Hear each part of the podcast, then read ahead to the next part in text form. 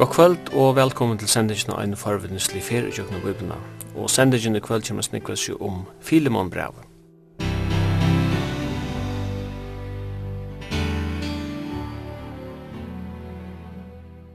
Henda sending av en farvinneslig ferie i kjøkken og er at høyre lindene kvart mye kvöld klokka 19 og hun vil endursendt fruttet av 17. part klokka 15.30.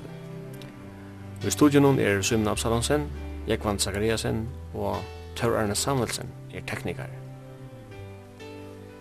Filemon brevet er det største brevet som vi har fra Paulusar hånd. Brevet er rønt personligt og kommer altså ikke inn av samkommet vi skifter eller lærespørninger som mengan annars er høvesevne og i ørenbrøv. Brevet er et såkalla fangselsbrev fra fyrra fangselsoppbehalden til Paulus i Rom om år 1 og Onesimus og Tychicus hava bor hetta brev saman við brev og Kolossebrevnum til Asia. Filemon boi i Kolosse, og årsøkjen til at han fekk hetta personlige brev i Rom var at Filemon og i au hever en nykvande maur hei en træl over flytter og affæren til langt løgnet til Rom.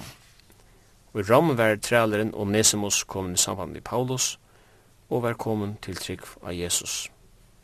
Paulus sender nu trælen atter til Harrasøyn og i var kristen. Hevas til stått av Filemon brev ikkje hever nega av teoretiskar teologi, så sutja vid ui hesson brev teologi og praksis. Brevet andar av nai og fyrirgjeving. Paulus heider innelig av sin kristna vin Filemon om at tega vel imot og nesamosse, som han omtalar som, mittel anna, mot baden, mot hjärsta, mot loiv Paulus hei vunni Onesimus fyrir Kristus og i lantjun søgnum. Filmon brev er kanska ein mynd av öllum kristnum og så satt ein speilsmynd av evangelium om Jesus.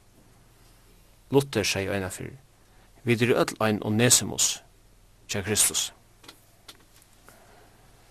Og jeg kan ikke nok som er lagt ut vi a sia at uh, sjalt om filmon brev er ta susta og røyene og i Bibelen som Paulus har skriva, eller som vi visste vidt at Paulus har skriva, så er det ikke kronologisk det sørste. Nei, jeg tror at det er å lese noe testament, at jeg skiljer at bøkene er, er ikke oppsett der kronologisk, og i, i, i ræfylgje. Det kommer at man har tittusbrevet, og til seg samme som at nå må vi fære atter ut høyene. Og vi fære helt år atter, atter til år uh, middel trus og tvei trus, da er Paulus sitter i fengehuset i Rom. Og hette er så det er som fangsesprøvene som han skriver i, samme vi Efesbraunen og Kolossebraunen og Filippebraunen, så var Filemon eisne parster av time of fangsesprøvene. Og tal tal er okkum til at at uh, Paulus sitter i fengehuset og hette hette de årene hver han uh, sier det fengelse som er omtala i Apostelsøen i 28, et tvei åra skai, hver han bojer etter uh, domen fra keiseren sjolven. til han er skådes ut mål innenfor keiseren. Vi vet rent søvelig, ja, at uh, Paulus vil leisleten atter, og han kommer også iva til Filemon, som han skriver brevet til, at han, at han er leisleten. Og vi vet eisen at at han er så skriver han fyrra Timotheus brev, Titus brev og til senast anna Timotheus brev. Så det er området som du sier at, at jeg vil skilja brøvene i rettjefylgjene av nødvendigment er det ikke kronologisk. Hetta brev er vi helt ikke betrakta som et av hyra brøven til Titus brev og Timotheus brev som vi tar som vi samar med pastoralbrøven filmomrav er, er rent personligt kan man säga. Men hur var det som filmon? Filmon var overkommen til, til Trygg i Jøgn Paulus.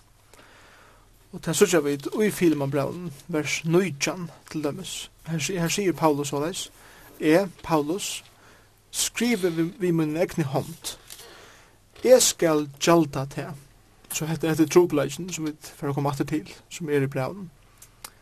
Det er nekka som skal gjaldas atter. Men så sier han vore, fyrir at jeg skal ikke sia vi til at du skylda mer enta til sjolvan.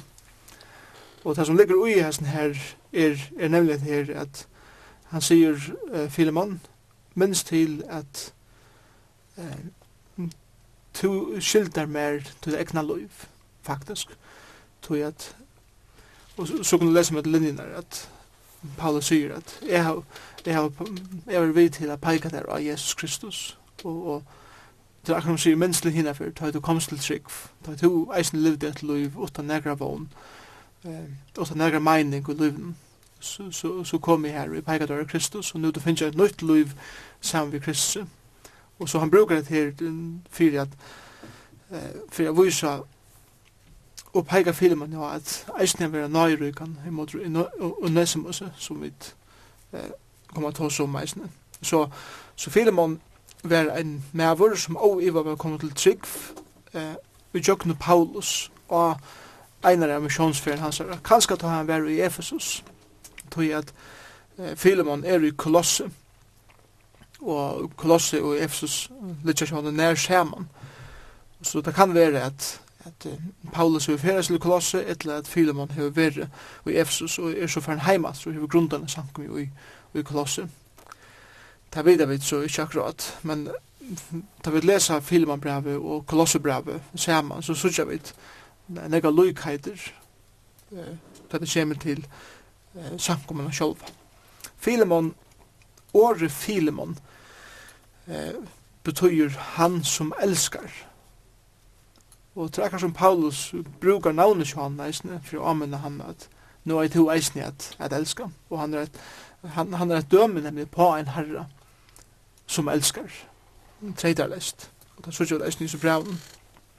Vi vet eisne at uh, Paulus hikker etter Filemon, og han, han kallar han ui, ui uh, femte ørende, så les, vi til at jeg høyre om kærlighet og trunna uh, og to hever til herran eh, Jesus og all hina heiløve. Fyri at fellesskapet tøyn i tunne kan være virksamme for kristar og hinn og, og hinum i fullum kunnleika om alt det goa som i tikkun er.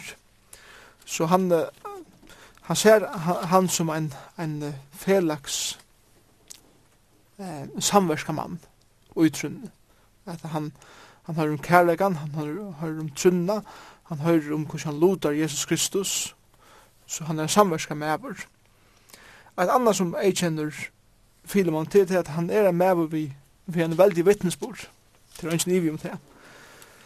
Eh, han sier, han sier til dømes, eh, ui, eh, tre øren du døtter, nå er vi til fri fra gode, feir okkar og herren Jesus Krist, jeg tatt jo god munnen alt du, ta i minnest te ui bønnemøyne.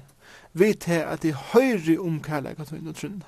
Så, så, så han er, han er med vi, vi er en veldig vittnesbord til Paulus høyre kjolt og i fenghuset hvordan stora kærleika Filemon hever som er ikkjenner hans navn og eisne hver er trygg og hvordan stora trygg han hever og han er Jesus. Så han er med som som hever fantastiska kvaliteter som, som er maver, som er Guds maver. Og et annet som Paulus kallar Filemon, det er uh, sambrovor, i seikjendørende, så satt som du råknar med for sambrover tøyn, så teg mot honom til Onesimus, som imot mer.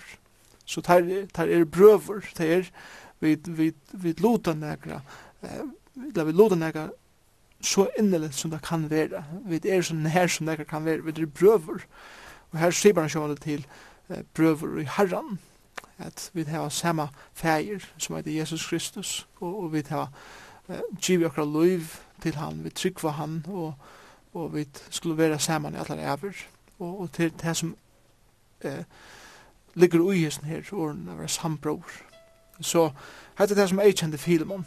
Og er veldig med som Paulus elskade og som er en, en kære viner og som er en maver vi veldig vittnesbord, veldig kvaliteten og som er en godsøttande og godstænande mæver.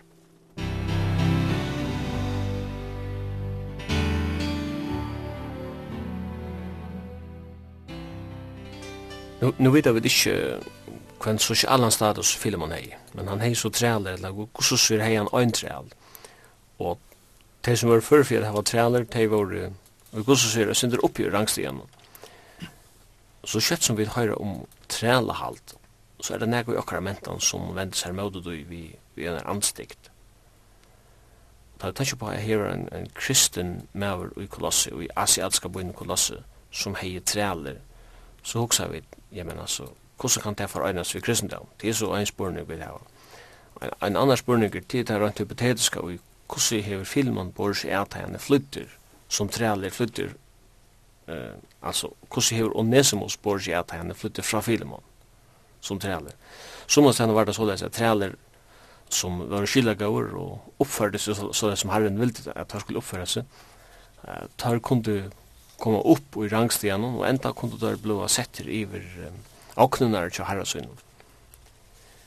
Og det kan huksast at Onesimus hever stjåle penger, og er ferdig sted, og vi tar en penger noen har haft her, han kunne fyrast lengt, og så koma inn og ta større byen Rom, her han har kunnet bare være, være noe som jeg sier, fjalls i fjeltene, og vi penger her han nøysen kunne klare seg i Rom.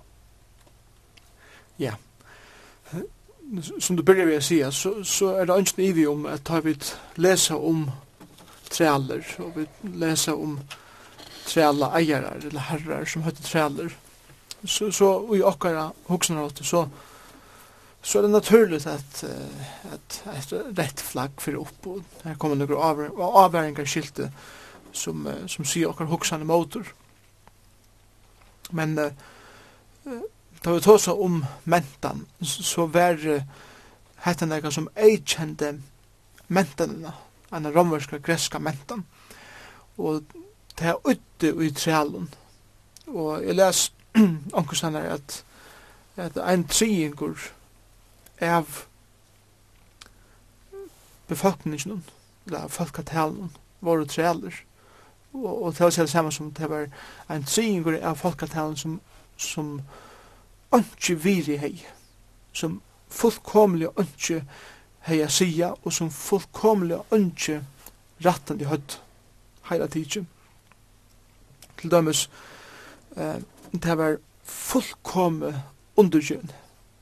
Og, og ein trealer som sier som herre motor, bare vi einen år kunde, kunde være drypen utan eka.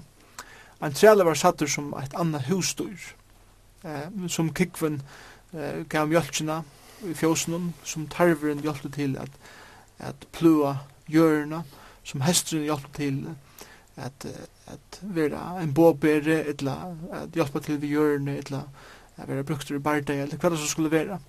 Så var træleren bare et anna husdyr som hjelpte rent praktiskt inn i husen, som gjør det mat, som gjør det klæger, som hjelpte bøttene at lese og skriva. Det var træleren som var ubjoner til, til det men korsene var det bare et, et anna dyr.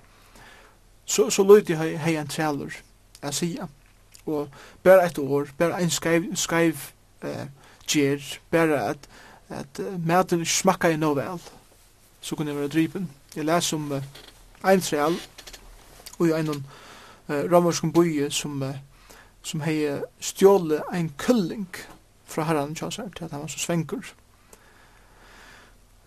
Han eh, blei tidsin, og han blei eh, Dri, han, han blev, først blev han hongtur upp på og gjennom master eh, av en kjipe nere ved havnene, at han, han var boka var av, og han var knuster sunder, så bare hongter opp i masterna, vi kullingen om halsen, eh, som en avværing kommer øren, øren trælen, om ikke jeg gjør nærkant det samme.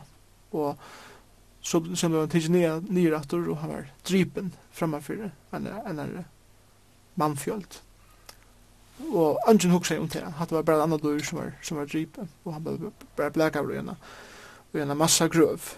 Og hatt var en, en daglig kostur, ta i tøyne. Det var dagligt att sutja träle vera dripnar, etla huflångtar, etla brentar, bæja bali og eisen skoldar av kokande vatne. Det var vanliga kastar innfyrir vild, vilddyr, som til dømes i Colosseum, som, som eisen er tryggvande blivu og det var vanligt at en trailer var dripen. Så hetta hetta hetta er tøyen som vi lever i. Da vi hugsa om disse mentene som trailer levde i. Og, og ta, ta, ta sier at det tids løye at en tryggvande maver skal hava trailer, så kan det tids løye. Men det tryggve at at ta og jo en harri er, er vår tryggvande som Filemon vær, så hever hans her avskåan om um, løyv, om um, løyvs vire, og eisne om træler og menneske. Det hever ombrøyt. Og jeg tykker at Filemon var en gåvor eh, herre, det er ikke i. Samtidig så hei han sitt starv, han hei sin gær, eller hva det var som han skulle passa. Og, og, og til her det ligger. Jeg mener vi altså at uh, han var en arbeidsgjevar til det som han var. Og han skaffa i fall ikke arbeid. Uh, så, så kunne du eisen si at, at er det så gale til en mann som, som hever folk i arbeid at han blir tryggvande, er det så gale hava folk i arbeid at gjør at arbeid fyrir seg? Og Sverige her er sånn nei. Og, og da vi leser Nudja Testament og da vi leser Bibelen hele tid så, så tåsar Bibelen nekv om træler og hun tåsar særlig om forholdet mittelen herra og træl. Og noen skrifter som vi kunne nu bara citera, vi då tog att läsa dig till 4 Korinthierbrev 6 20 till 24 til Efesosbrev 6, 5-9, til Kolosserbrev 3, 22 til 4, 1, til så Filemonbrev som vi har her, fra vers 8 til 21, til 4 Timotheusbrev 6, 1 og 2, og til Titusbrev 2, 9 og 20. Onga stender eh, fordømer Nyttelsement. Kvarst Paulus eller Jesus fordømer træla halt.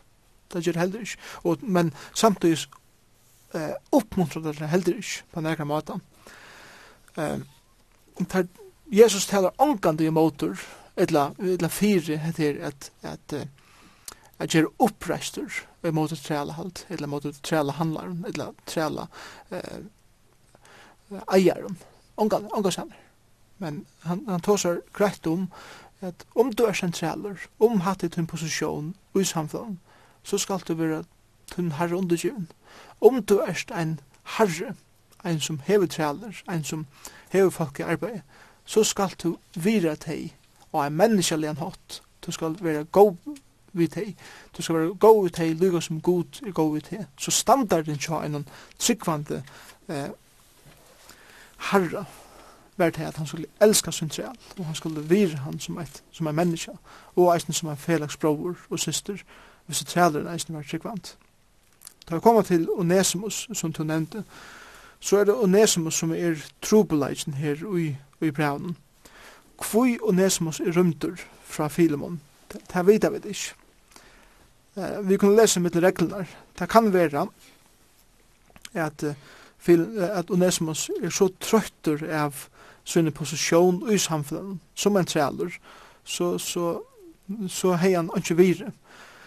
Han er ongan velratt til og han er ongan tuttning til å komme til samfunnslige avkjører. Det kan være at Filemon hever behandla vel, det trykker han gjørst, men kanskje omstøvna som Onesimus levde i, og i sånne daglige starver, her som han kom med til andre folk, og er sånn, her var sputter, og han var vannvirtur, han var ytla vifæren. Og det kan være at han har bare simpelthen sagt, jeg orsker ikke mer. Og, og jeg vil bare flytja fra ødlun, og jeg husker meg å komme så lengt vekk som møvlet fra kolossi her som han var. Og kanskje en dag igjen, vi vet ikke, nå leser vi det med reglene da jeg sier etter, kanskje en dag igjen her, her vært ensam alle inne, og som en, som en trealer som kanskje har vært vel vidfæren, så har Filemon kanskje lært jo Nesmos vita, hver han hever penger, og kanskje hever han kive og nesmus i abyrne at omsida eh, eh, avviser penka nøkter, det vet jeg vet ikke. Men kanskje hever han einsam at rynne, og nå ser han møvleggen at han ser kanskje han rymme, og han ser at det fralse som bojar eh, lengt borster. Men fyrir jeg kunne komme så lengt borster som møvleg, så hever han bruk fyrir penlig jeg kunne ferast vi. Og kanskje er han ferdig i kystene, tja Filemon, og han har stjålet pening ur kystene, og hever så snukst jeg sted, og tar i høve bust, så, så flytter han. Og kanskje er, er første leien eh, vestretter ut mot hevenen, og han er kanskje rundt til Efesus, det vet jeg ikke, kanskje.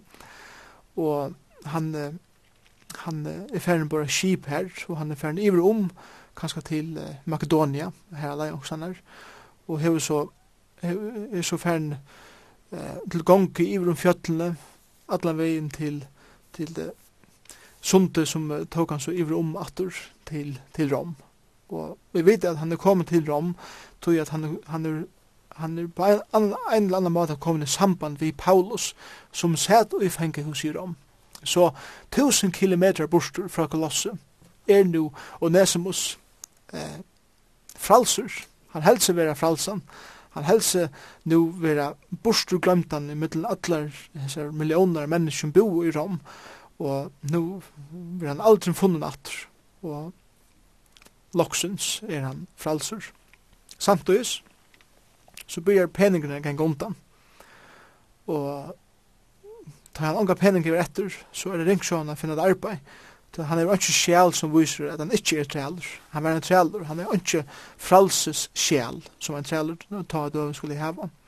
Så kanskje er han byrger at, at arbeid svart, eller han kommer i, i ringssamfunnet vi ånder, som har gjort det at han kanskje kommer ut i kriminalitet, eller han er stjål i attor, eller hva det så er, en som er stjål i ene for, kanskje eh, har han prøvd å stjål i ene for en, og av en eller annen hatt er han teaching, og han er blekar i fengehus.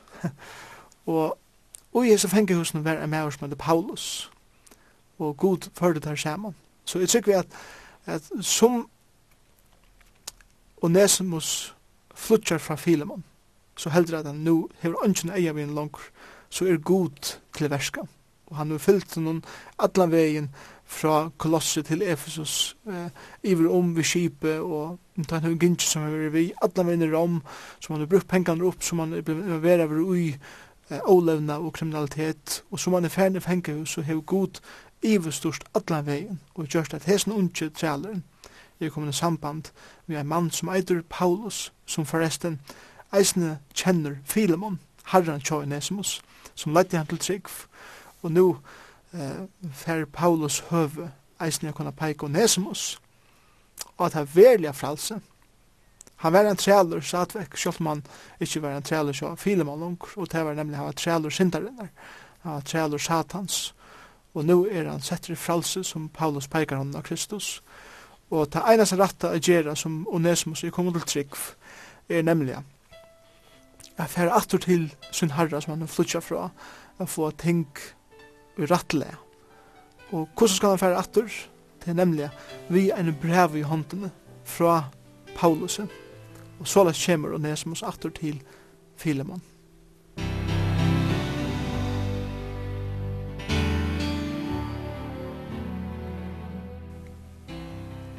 Onesimus, han var jo flyttur ur Kolosse, som vi der var inne av Og Kolosse er eisne byer som heina samkom som fekk brev fra Paulus. Annars var det så at han skriva til samkom i Negmon byen, og flere av som samkom var i Stauron byen, altså multietniske, metropoliske byer som Ram og Ephesus, Korint og så framveis. Men Kolosse var ein lydel av betydelige asiatiske byer. Ja, han var en lydel byer, og og han var en fastlandsbojur til, til, til sin samme som han er unga haun som gjør det til at, at bojur var ikkje en stor handelsbojur. Det var en bojur som, som levde mest av landbruk, og som levde mest av, av tog som var i områden. Et som kolosse hei, det var at det hadde noen utrolig stora og gåar kaldar vatnkjelder, som gjør det til at kolosse var, var vi til at djeva frukst, kalt og rent vatten til byene rundt om. Og her i middelverd til dømes Laodikea. Trubla ikke Laodikea var nemlig at han at, at her løtt og rørfeitingar fra kolosse til Laodikea som gjør det til at ta i vattnet, det kalda vattnet fra kolosse kom til Laodikea, så var det lunka og det ble heit til at det var det jo heitare som det var hei færa sjøkken i rørene. Men eh, kalda kjelder var i, i kolossu, så det, det var et som bøyre var kjente for. Annars var det ikke kjente for korset for fiskeskap eller handel av noen slag. Jeg tror at det var bare liten bøyre som, som la eh, fiske. Og i ukanten av uh, en bøyre som til dømes Efesos. Så tog jeg den bøyren ikke så, så medelig så tøtning. Men dette brevet uh, eller hese bæg brøvene som skriver til eh, Kolosse, Kolossebrevet kjolt. Det, det viser at, at Paulus har haft en særlig tilknyttet til samkomna. Og han har haft en særlig tilknyttet til Filemon, som var kanskje en av leierne i samkomna i Kolosse. Og, og her skriver han sånn brevet til sin vin og til sitt baten i Trønne. Og vi viser en øren baten i Trønne som Paulus hever, som, som er rømter fra Filemon. Og, og tog tog er hette brevet som du har sagt, et ekvelig personligt brev, og hette det skrivet til en avvisen person ved en avvisen trobleik, samtidig som hette brevet har vært lise, og i øren, og i øren samkommun, og eisne oppsjøkken tøyene, og er avmedelig vidkommende for meg det, og okkur ødel, tøy at hette lyser forhold som kanskje kunne være brottna, og også kan, kan være komme kom inn i middelen, men hvordan området er å få enda nødt i forhold, og få oppbygd et forhold av nødtjen, og det kan kalde tjonarband, det kan kalde, det kan kalde eh, vinarband, det kan kalde eh, band som er i middelen brøver og syster i en samkomme, og det kan eh, galda bond som er i middelen arbeidsfeller og arbeidsplasse, eller middelen foreldre og bøten, eller bøten foreldre, alle veien, så kunne vi bruke dette brevet som et dømi på hvordan et bråd og forhold kommer å endre reist og endre nødja atter. Du nevnte, Janne, om det vi træla halte, at uh, Paulus han anvender uh, træler om han var herren sin ondgjønner, og anvender òsne herrer og størskelfærre av trælum, og minnet av òsne er at tar sjolver hava herra, altså tar ondgjønner enn hakri herra. Og man kan godt si at det er kjent til trælahalt, og luknande trobleikar så, så legger Bibelen ikke opp til negra aktiva politiska uh, eller militæra kan man skal kalla det. Hon, hon, hon vimmelde ikke opprøst. Men fra søvende vita vi at, at kristne personer heva rønt at avska hukbor i samfellan. Øysen er hesnøy, hos som trælhaldi i USA, at tann daman som skriva i bøkina Onkel Tom Sutte, hon kallast fyrir Bekker Stov haldi. Hon var ein ein uyen kristen. Og det var vi tog fyrir ei at hon skriva i så skalsuna som Mörla minne var, var vi til at skont og under at træl hadde jo jo sabla out ikke, og samme kan sies om forsetan Abraham Lincoln som rødde i træl hadde blei out i USA. Det var også en rent kristelig sjånarmi at det stod for tusen det stod for. Det er ønsken evig om ta til å sier at noe som heter oppmuntra ångarsene opprester i måter eh, træla halde til pura rett.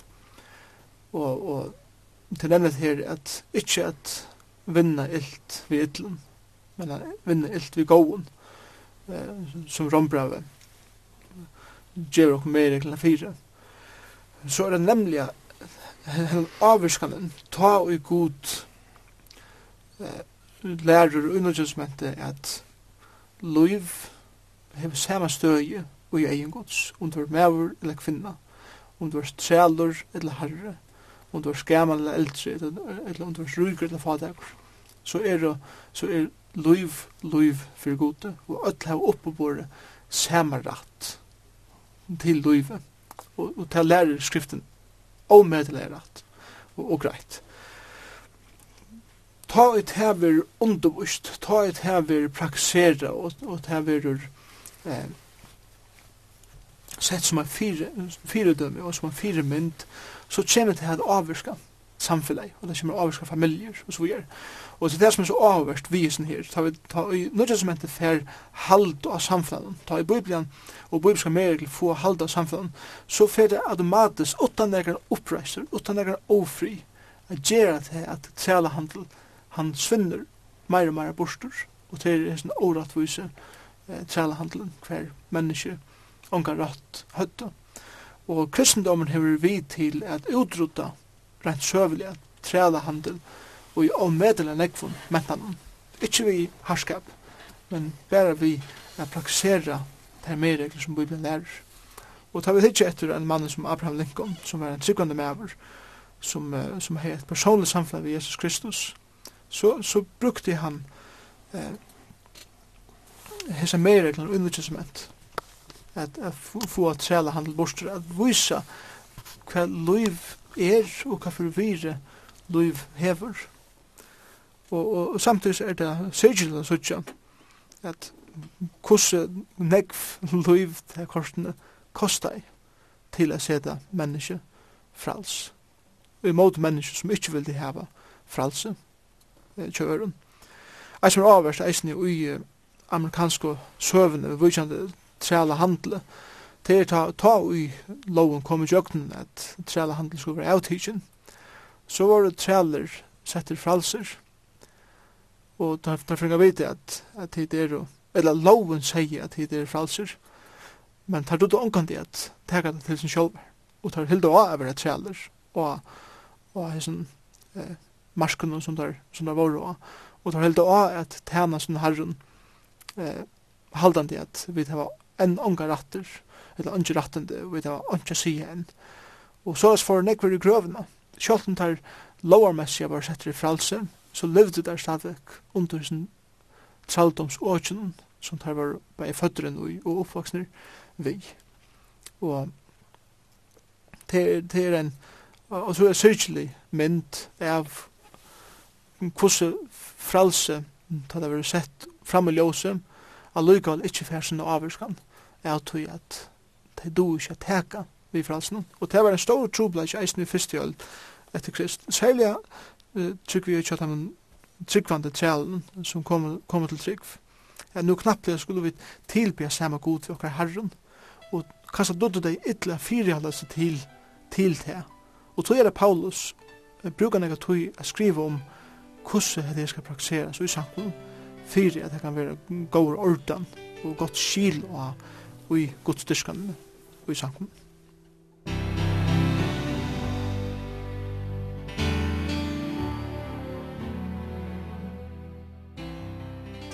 Du nevnte amerikanska søve. Vi vet at folk flott i USA i Biltjon. De som bygde USA var for en større part europeere som flott i Ivel. Og nekv flutte undan forfylgjengum. Det stod i midtlandet ikke dyrka som god som det vildi, til. så fra vi så tog jo hver det var rettelig mist i Europa, og lydde fralse vær. Så fyrir det iver fyrir at uh, kunne oppleva frihet. Men hese sånne som var ferdig ivel å oppleva frihet, det er ferdig så ivel til Afrika, for jeg får seg bøylig arbeidsmed i, til arbeid i plantasjon og i uh, storstaden. Det virker rettelig paradoxalt.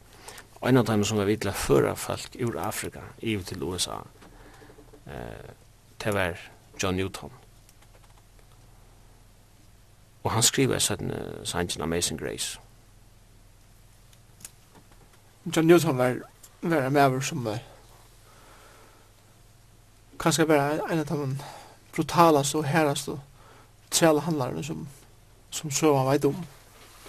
Og, og du kan enn i det vidtja av Vestersøyne i Afrika eh, fangsle som han eh, heier trealer ui og hvordan rævligt de hadde det, og, hvordan, og tålene som, som han brukte, og, og ære trenerne brukte, at, at tyna afrikanerne er vi.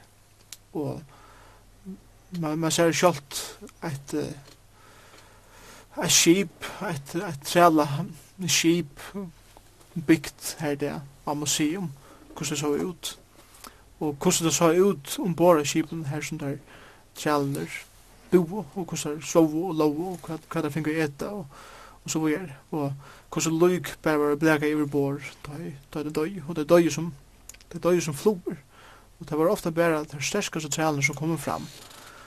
Og det er som kommer land i Amerika, eller ångsan i Amerika, så, så blev det her som var veikast, bare drypner eller bleka i ångsan der, og de i livet.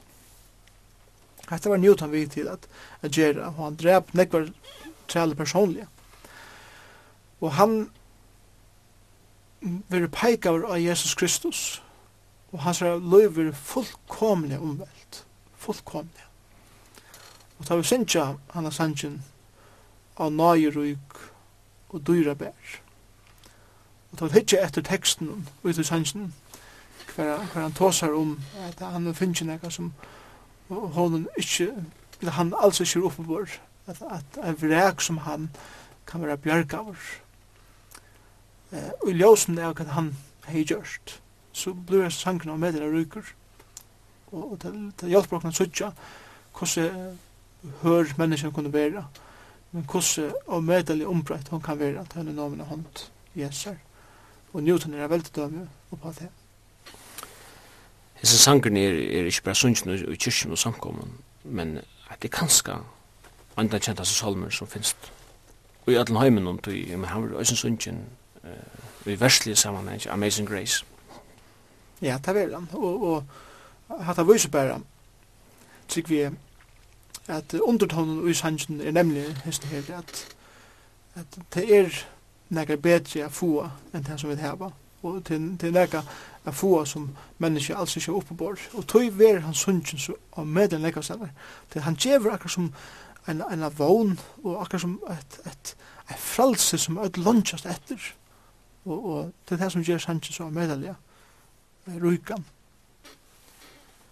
Han kallar sig vid Sanchez den første versen fyrir et, et ræk, som var vilster og blinder, men så kom god og ræk myskre bostr.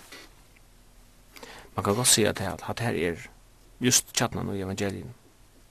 Ja, det er ikke nye det. Öll mennesker er vrek, öll mennesker er fortapt, öll mennesker er vonleis. Men Jesus Kristus er kommet av bjerga enn vrek. Han er kommet av bjerga enn vonleis som mennesker. Og, og hans sanger lyser nemlig til at lyga mykje hverja hverja omstår at mennesker skal være ui. Lyga mykje hver mennesker er utgjørst. Lyga mykje hver så svart det kan være. Lyga lukka mykje hvordan størst vrætje kan være, og hvordan vanlig ser ut, så kan det være bjerga, og det kan være enda nutja, det kan være først i om fra deian til løyga, vi trygg på Herre Jesus Kristus.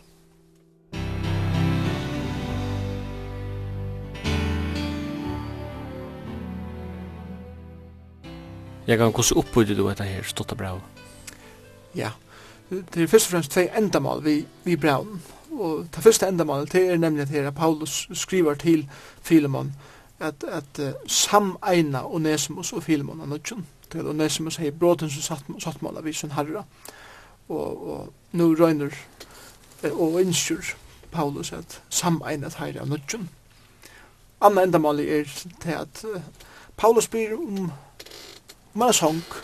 Han veit han for å være leislaten fra fångsle, og han ber Filemon gjøre seg et kamerklart som han kan eh, bygge som gestor i, da han kommer. Så til endamålet, eller til tvei endamålet ved brevnen, da jeg bøyde brevet opp, så er det til første tre ørene eh, en helsa. Paulus, fengi Krist Jesu, og broren Timotheus, til Filemon elskar vi okkara, som arbeider sammen med okkon, Apaio, syster okkara, Agrippus som strøyer saman vi okkom og sankumna i huset høynum så sankumna her som Filemon eh, bor så han er, han er et han, han er ein sankum i sin hus nei vi tikkun og frier fra gode feir okkara og herranen Jesus Kristi. Så heter helsan så gjerne fra fjóra til kjente ørende hever Paulus først og fremst anna tøkk og eisne anna bøn. Og vi lesa, jeg takkje godemunnen, alltid ta i minnes til i bønemunnen.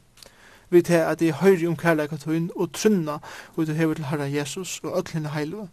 Fyrias fellesskapetøyen i trunne skal være virksammer fyrir Kristus og i henne fotla uh, kunnleika om alt det gåa som tjatikkun er. Tu stóra glei og trøst hevi finnje av kærleikatøyen vi tar at gjørste henne heilva er å løvka av her bror. Så han brukar året bror her om, om uh, Filemon. Så det er, det, det er takk og bøn. Men så gjerne fra 8. ørende til 21.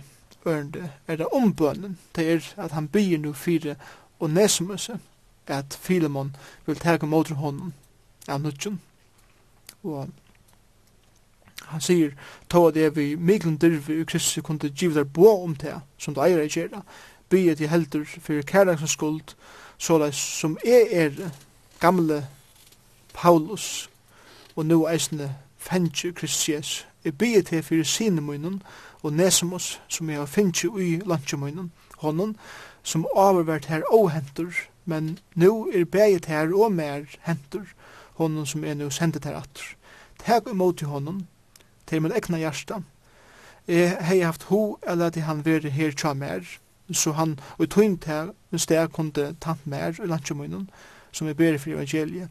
Men jeg vil ikke gjøre utan samtidig tøyt, for jeg gøska tøyn skal ikke være ens av norslo, men av frugen vilja. Tøy, uh, kanska han just tøy var skildur fra til her luttla stund, for jeg tog kunne få han atur til evig åken, ikke som træl langer, men som meir enn træl, som elskar han brobor, det er han mer av selen hot, og hos mykje meir tar ikke det her, bare i holden og i herran, så satt som to, eh, to rokna med som sambror tøyn, så tek og motor honom som emotor mer.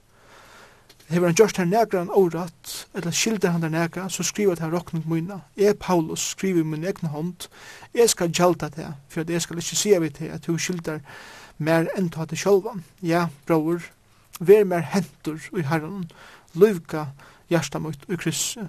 Og i alite av lytne tøyne skriver jeg til tøyne, viser ui at du gjerst har enda meir enn det som vi sier. Og så kommer vi til endan av brevnen, eh, som, er, som er en helsa fra vers 22 til 25. Og her leser vi, så skal du eisen gjøre mer herberger til reier, til jeg vågne at jeg vi bønnen tikkere skal være tikkun given. Epafras, som sammen vi mer er fengt i Kristi Jesu, eller de heilsa der. Som leis Markus, Aristarkus, Demas, Lukas, og i samme saman verk som er. Nøye Herre okkar Jesu Krist, vil vi anda tekara.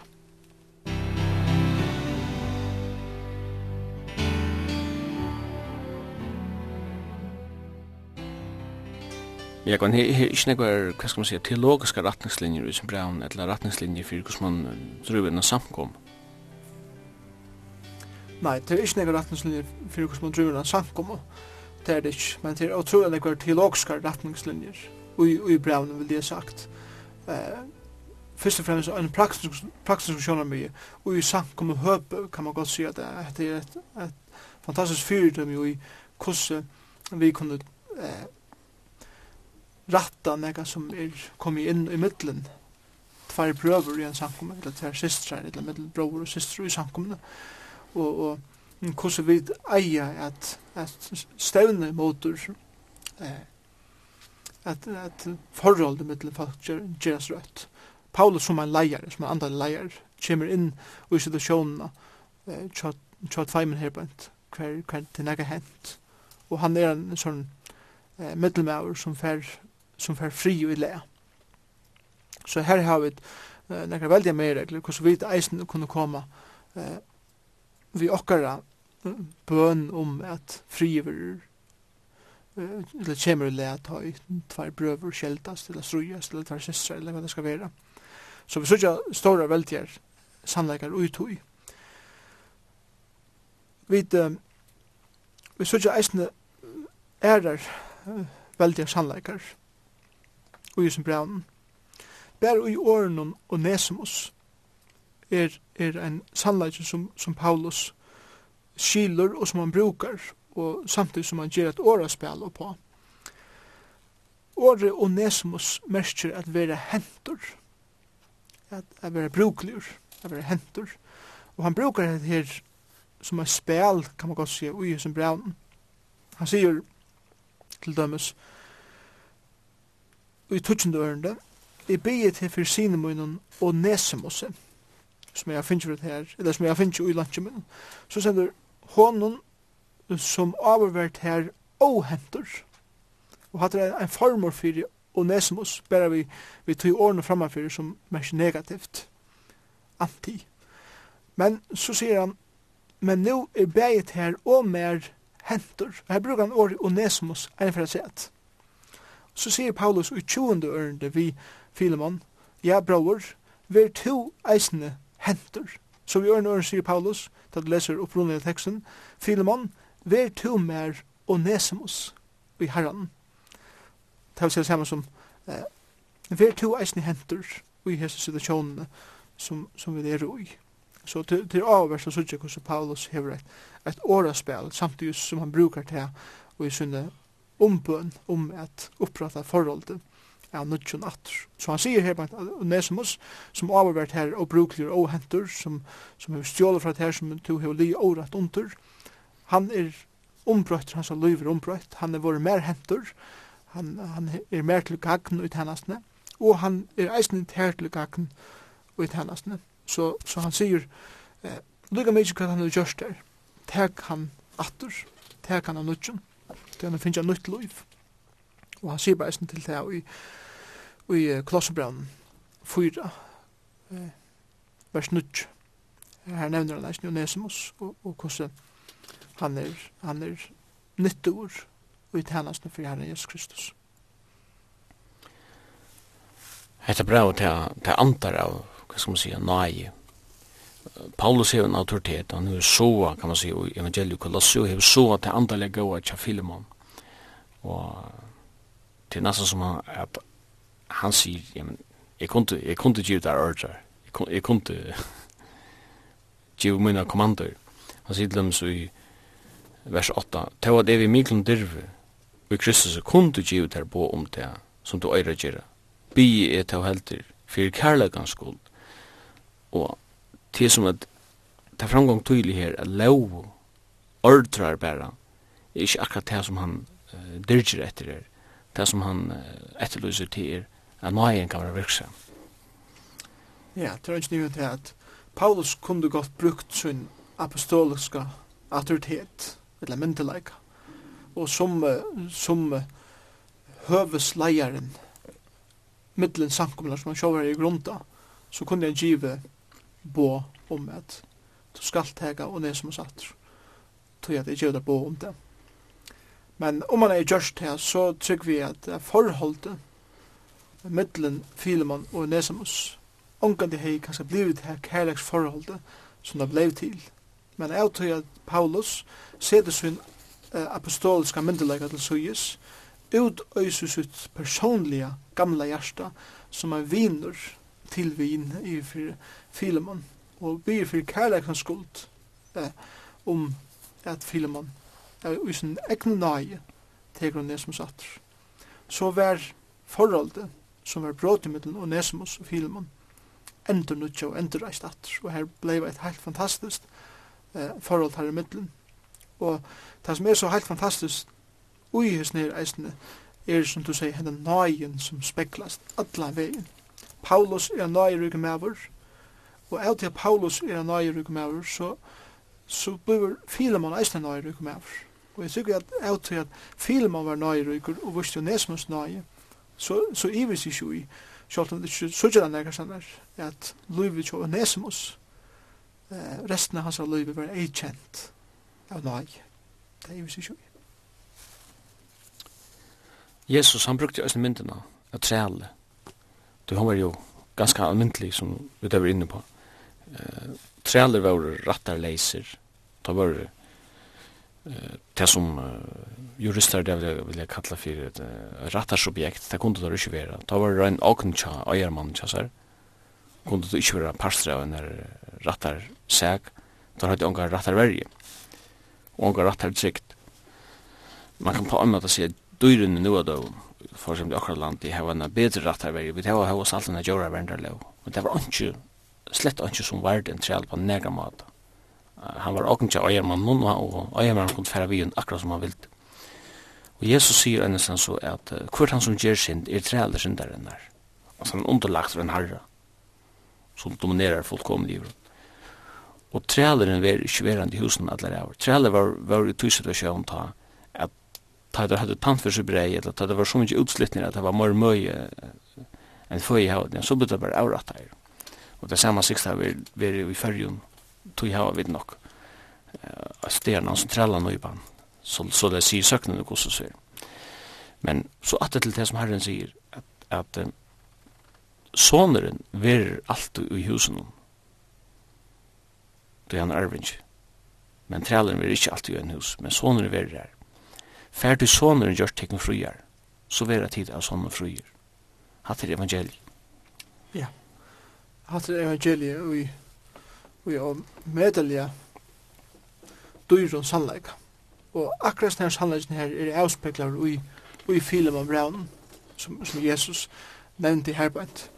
Så jeg tar det ikke etter, etter film av braunen, så sørger vi atur og atur at Paulus sier vi i Filemon, takk i motron Vi sørger det til dem som er talt Her sier Paulus, Paulus, tak imot honom.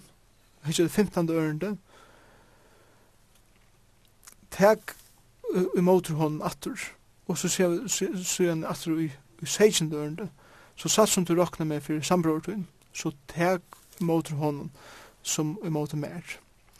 Og vi overfører dette forholdet som Paulus og Filemon og Nesmus heva, og, og, og gjør en godfrøysliga mynd og evangeliska mynd av det, så kan man godt si at, at Filemon er en mynd av, av gode, som, som er allan rett at, at tikta og at gjøre enda av av trælene som er rundt fra honom. Og Onesimus er nemlig mynd av sintaren, som er, som er ætskildur og som er flutjavur fra eh, sunn herra og som har vent sunn herra bætj til det som menneskene gjør det, ta i, ta i valgt og et synda, må du god. Fullkomlig vånleis, fullkomlig ånganratt, og fullkomlig rattvist hever menneskene oppoborre, eller hever syndaren oppoborre, rattvist av domgods. Etter landsens loven i, i en greskare, romerskare mentan, så heie Onesimus oppoborre, eh, vreie Filemons. Og han er oppe på av være drypen, og han visste at hvis han kom at, så, så var han drypen. Og han var ønsken vån. Paulus er mindre Jesu, som, som blir en middelmæver, i middelsinteren og, og herren. Og, og Paulus sier her beint at skilder han der neka, så set jeg av myna rokning.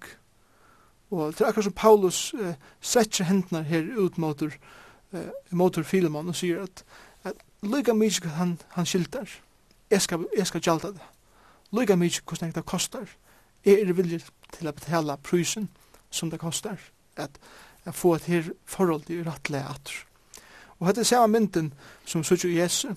Jesus, han, han gav alt fyrir at bjarga forholdene som en fortapt og syndere heier vi god feiren. Og det var et forhold som var under vrei gods. Jesus sier at jeg har gått det, jeg har givet mitt, mitt blå av krossen for, for synderen. Og, og, og ta i synderen kommer framfor Asjan gods. Så sender Jesus her, og han viser hendene, og han viser blået som er runde for syndernes skuld.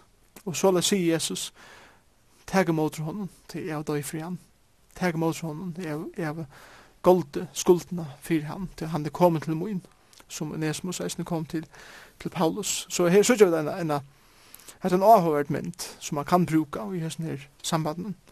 Og tog er det at evangeliet, alla vegin i kjøkken filman brev, skuiner i tjokken. Og at her at, at nøyen, hon, hon vinner, og at vreien vil stytla. og og at han som var undervrei, han vil sette fralser. Og, og han sier eisne, og i 15 år, at du kanskje er just skyldig for at her i, i luttla stund, for at du kunne få en atterlig av i åkn, ikke som trælonker, men som meir enn træl, som elskande brovor. Og til nemlig at her, at vi er skyld fra gode som træler, men da vi kommer inn i rett forhold atter, så er det ikke trælonker, så er vi sett fru. Vi bliva soneren, som Jesus sier, vi er verandi i husen, og til til fralse som verliga seter okkon fru.